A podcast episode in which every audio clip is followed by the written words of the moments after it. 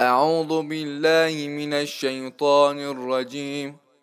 لا خير في كثير من نجواهم إلا من أمر بصدقة أو معروف أو إصلاح بين الناس. ومن يفعل ذلك ابتغاء مرضات الله فسوف نؤتيه أجرا عظيما.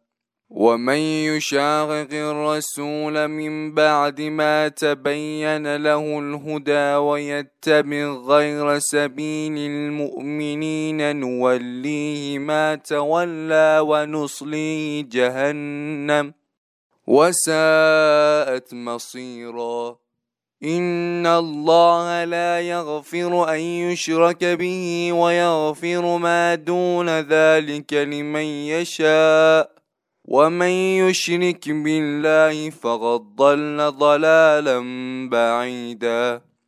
إن يدعون من دونه إلا إناثا وإن يدعون إلا شيطانا مريدا.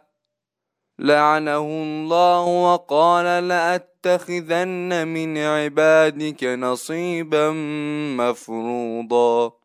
ولأضلنهم ولأمنينهم ولآمرنهم فليبتكن آذان الأنعام ولآمرنهم فليغيرن خلق الله. ومن يتخذ الشيطان وليا من دون الله فقد خسر خسرانا مبينا.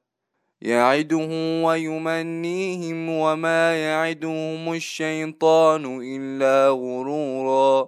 أولئك مأواهم جهنم ولا يجدون عنها محيصا. صدق الله العلي العظيم.